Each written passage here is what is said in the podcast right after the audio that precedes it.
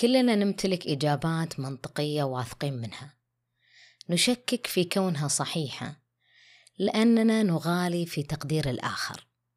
ولا ننظر لما نحمل من عقل حداثي ذكي يعمل بشكل ممتاز موضوع على وضع الصامت. فكرة حلقة اليوم واللي بعنوان تعطل المألوف جاتني من تغريدة قريتها مستفزة. كان فيها المبالغة في تقدير المحتوى الغربي مقارنة بنجاح صحافتنا الجديدة من منازلهم بدون دعم جهات. عشان تكونوا بالصورة أنا أسمع المحتويين وأنبسط فيهم كلهم ولا أشوف إن في فرق. بعض البرامج كل فئة من هذه البرامج مفيدة في جهتها. البعض تشعر أنه تهم التصنيفات بشكل أساسي. حتى أنه ما تستطيع تأخذ منه رأي حكيم بسبب تغلب عقليته هذه على تصرفاته وآرائه ليه مهم الرد على هؤلاء؟ ولا نتركهم كذا. لأنهم للأسف يتركون انطباع خاطئ لمجرد أنه قدم رسالة ماجستير أو دكتوراه. لأن مو كل شخص مسك كتاب أو اتبع درجات في سلم العلم معصوم عن الخطأ. وقد يكون سطحي بشكل منفر. وبعضهم ما يتوانى عن وجود فرصة ينتقد فيها المحتوى العربي لأنه شاهد الغرب وارتداهم تاج على رأسه. أنا آسفة إني أقول هذا الكلام. أنا آسفة لاختيار بعض المصطلحات اللي قد تكون نقد لاذع ولكثرة تواجدهم على الساحة وجب الرد. لو فرضنا جدا أن بنتبعه في رأيه وإحنا معصوبين العقل. ورحنا سمعنا المحتوى الغربي لمجرد المقارنة. راح نطلع بأشياء غريبة. اسمحوا لي أرد عن نفسي فقط. الآخرين لهم عقول وألسنة. سمعت مؤخرا حلقة تكلم فيها بروفيسور معروف مقاطع في كل مكان. بعد ما توجه له سؤال من مقدم البودكاست بإذا أنه خايف من الموت ولا لا. فكانت إجابته أنه مستعد له من سنوات. رجع المقدم بسؤال ثاني. أجل وش أكثر شيء يخوفك إذا ما كان الموت؟ فقال جهنم. وتعليله هنا لأنه يجهل آلية تخطيها. هذا رجعنا لكلام التغريدة عن أن الأفكار مبتكرة وجميلة وعميقة ولا لقيت فيه نوع من المبالغة لأن المحايد قادر على الرؤية بشكل أوضح. من اللي يتجاهل وجودك من أجل تعظيمه للآخر فتصير نظرته فيها بعض القصور. طيب وضحين أكثر. لو أخذنا هذا البروفيسور وهذه الحلقة كمثال وعرضنا فكرتها على أبسط واحد فينا كلنا كمسلمين عندنا المعلومات الكافية اللي تبعدنا عن جهنم وتقربنا إن شاء الله من الجنة. حرفيا هذا البوست وهو قاعد يتكلم مع الضيف كان ينبهر من كل كلمة يقولها. يحاول يظهر فيها عمق مش موجود. إحنا لو بس قرأنا كتاب الجوزي واللي كان واللي أصلا قديم هو بعنوان الروح وكيف تكلم عن حياة البرزخ هذه من القراءات اللي أنا أسميها الصادمة. راح نشوف أن كل المعلومات اللي تبدو لهم غريبة نوعا ما بالنسبة لنا بديهية. ومن الممكن أن شخص مثلي وغيري قرأها في سن صغير. كيف تكلم عن الأموات في كتابه؟ كيف عرض أن هناك حياة بين الحياتين وما سمى الموت موت بل سماه حياة؟ كيف علمنا طريقتهم في هذه الحياة؟ إنهم يسمعون أحوال الدنيا ويردون علينا السلام. كان شيء مبهر بالنسبة لي. اللي اعتقدت أن فكرة الموت يشبه الانتظار الطويل للمصير والحساب. شيء مقلق شيء يخوف. لين عرفت عن تحول القبر إلى روضة من رياض الجنة أو لا سمح الله إلى حفرة من حفر النار. أيضا مشهد تحليق الأرواح لتشاهد أماكنها في الجنة. كل هذه المعلومات كانت موجودة في الكتاب. دايم عند البعض هذه المبالغة في تقدير المعلومات اللي تصدر من الآخر. ويمكن أتفهم أنه قد يكون طبيعي فأنا كشخص أحيانا أتأثر بكلمات أعرفها لكن لما أسمعها من شخص ثاني يختلف علي وقعها اللي بوصله أنا من خلال هذه الحلقة. لكل شخص يسمعني الآن إرث عظيم. شيء يستحق أن تنصت له الآذان لكن وقفه شخص أو عطل المألوف عنده بكلمة انتقاد قاسية ومتحيزة لنظرة ما. في ملتقى حضرت أنا بنفسي واحد من الأدباء اللي له باع طويل في الساحة الأدبية والمشهد الثقافي عندنا قاطع إحدى الجلسات بكلمة فيها سخرية من الحاضرين الجدد. وعلى حد قوله إن لو أحد من الأدباء قديما خرج من قبره وحضر معانا لحمد الله على أنه توفى من زمان بعيد. وكل الذنب اللي سويناه إحنا في الأدب أننا شكلناه بطريقتنا العصرية. صار مرئي وصار مسموع. تحرك لمشاهد لملتقطات سريعة. يقدر المشاهد العصري الاستفادة منها قدر المستطاع. ولا منعنا غيرنا من التعمق في الأدب بالعكس من خلال الأصول أبدا. لكن بدال ما ينصرف الناس عن كل شيء متعلق بالثقافة العربية الجميلة السهلة المتمدنة اللي وصفها جوستاف لوبون إنها منفتحة على غيرها من الثقافات اخترع لنا الجيل الجديد أسلوب يوصل فيه إلى الجمهور. وكل شخص له أهدافه ومساعيه. بس التقليل من الجيل الجديد ما أعتقد أن له فوائد حتى لو بلغت كتبك العشرين كتاب. أبسط مثال نأخذ تطبيق التيك توك. بغض النظر عن ما يعرض فيه من أشياء ما لها فايدة. أنا ترى ما أحسب اللي يضحك لأن صدق له فوائد أكثر مما نتصور. إلا أننا شفنا نماذج مبدعة صارت الناس تتابعهم بالملايين ومندهشة بالمحتوى اللي يقدمونه.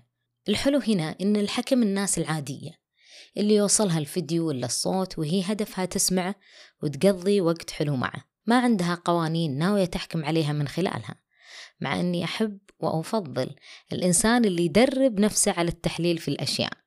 اللي يحس أنه إذا يمتلك وجهة نظر مختلفة عن اللي يقدم هذه المادة يناقشها ويعرضها بطريقته. الكل هنا مستفيد.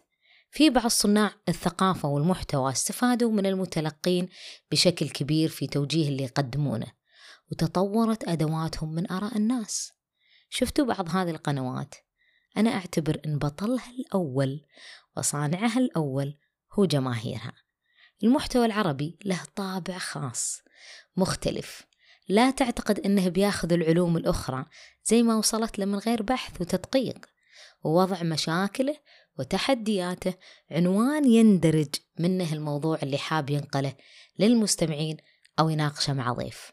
أكيد ما راح يناقش أفكار يمتلك لها إجابات بديهية وهذا اللي يميزهم عن غيرهم.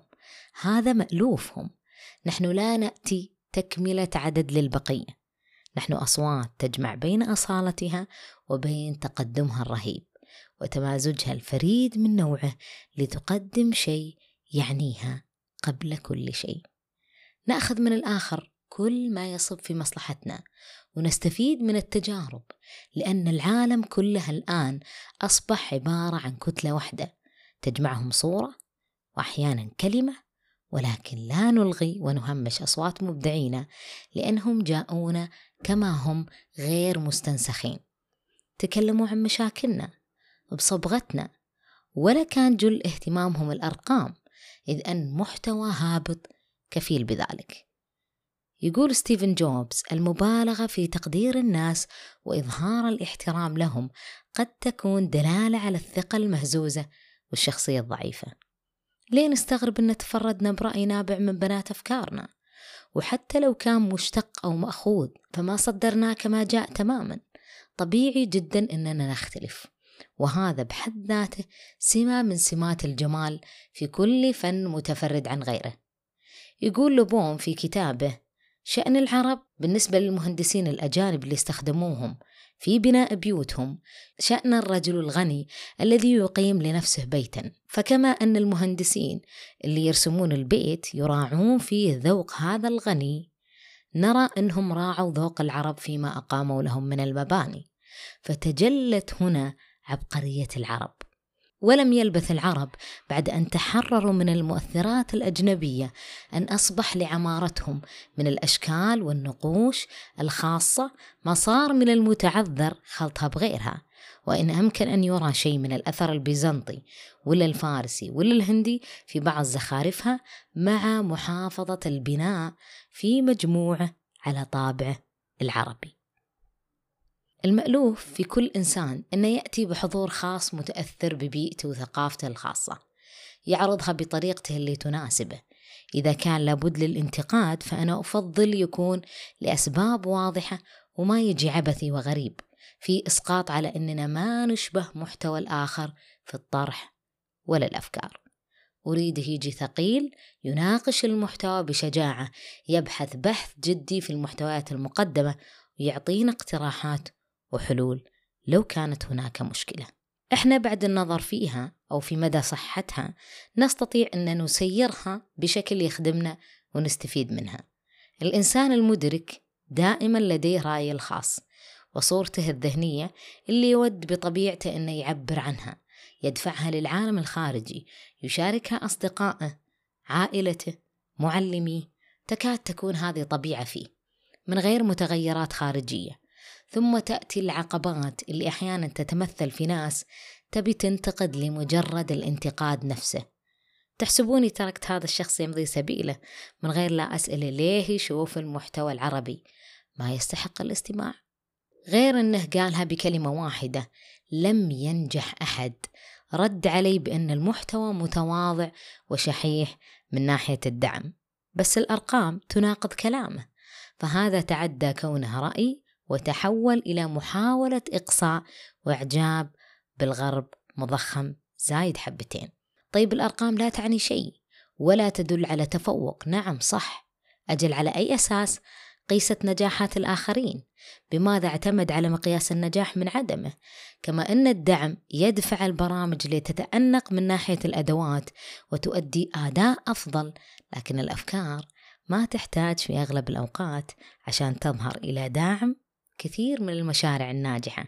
بدايتها كانت من غرفة صغيرة أو زاوية في البيت بأدواتها البسيطة استطاعت أن تنافس شركات فما تعليله على هذا. خلونا نشوف كيف الناس تتحيز في طرح فكرتها من خلال وجهة نظرها بغض النظر عن كونها واقعية. في إحدى التجارب طلب ريفرز وفريقه من 360 مشاركين عبر الإنترنت. إنهم يكتبون حديث مقنع حول شخصية خيالية تدعى مارك. أخبروهم أنهم بيحصلون على مكافأة تحدد وفق لمدى فاعلية حديثهم عن الشخصية. وقيل لبعض المشاركين أنهم يرسمون مارك على أنه شخصية محبوبة فيما قيل للبعض أنهم يرسمون على أنه شخص بغيض على أنه شخص بغيض. ترك للآخرين حرية نقل الانطباع اللي هم يشوفونه واللي يتكون لديهم عن مارك.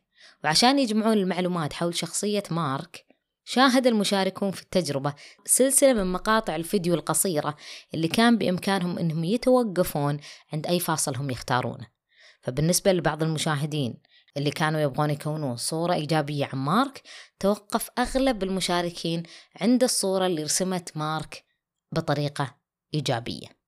الفيديوهات الإيجابية كانت تعرض شخصية مارك على أن الشخص يعيد محفظة نقود لأصحابها أو يعمل على إعادة تدوير بعض المنتجات لحماية البيئة. بعدين تتحول الصورة تدريجيا إلى الجانب السيء. فتظهر مارك على أنه شخص يطلق صيحات استهجان أو يضرب أحد زملائه. ثم لم تنتظر المجموعة الأولى رسم صورة كاملة عن هذه الشخصية فور أنها حصلت على المعلومات اللي يحتاجونها لإقناع أنفسهم والآخرين بأن مارك شخص جيد ممتاز حسن الخلق.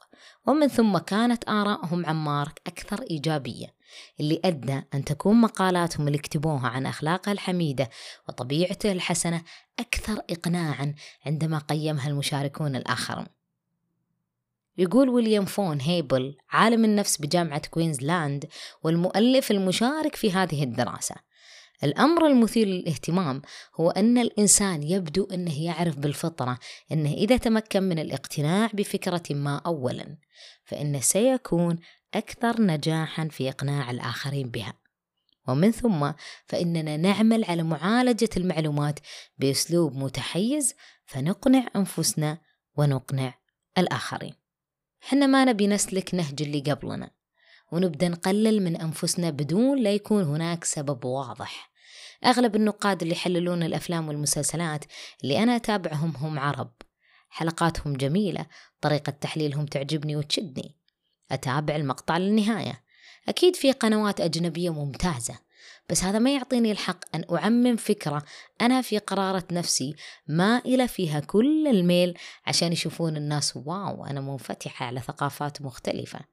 بأن محتوانا لا يستحق المشاهدة أو الاستماع.